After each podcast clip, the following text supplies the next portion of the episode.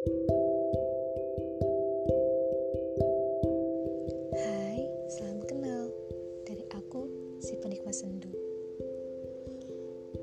Kali pertama aku untuk memutuskan membuat podcast ini terbesit dalam hatiku bahwa podcast ini akan kupersembahkan untuk kamu.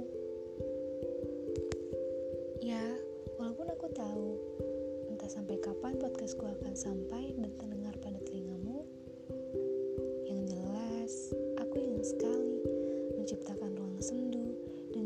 merayakan sebuah rasa sakit dari kehilanganmu.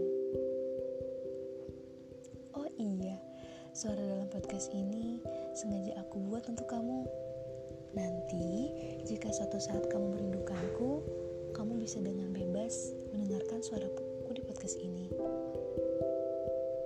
Maaf untuk saat ini aku memberi sekat untuk kamu. By the way, selamat menanti cerita tentang kamu dalam kamu, 1825 hari.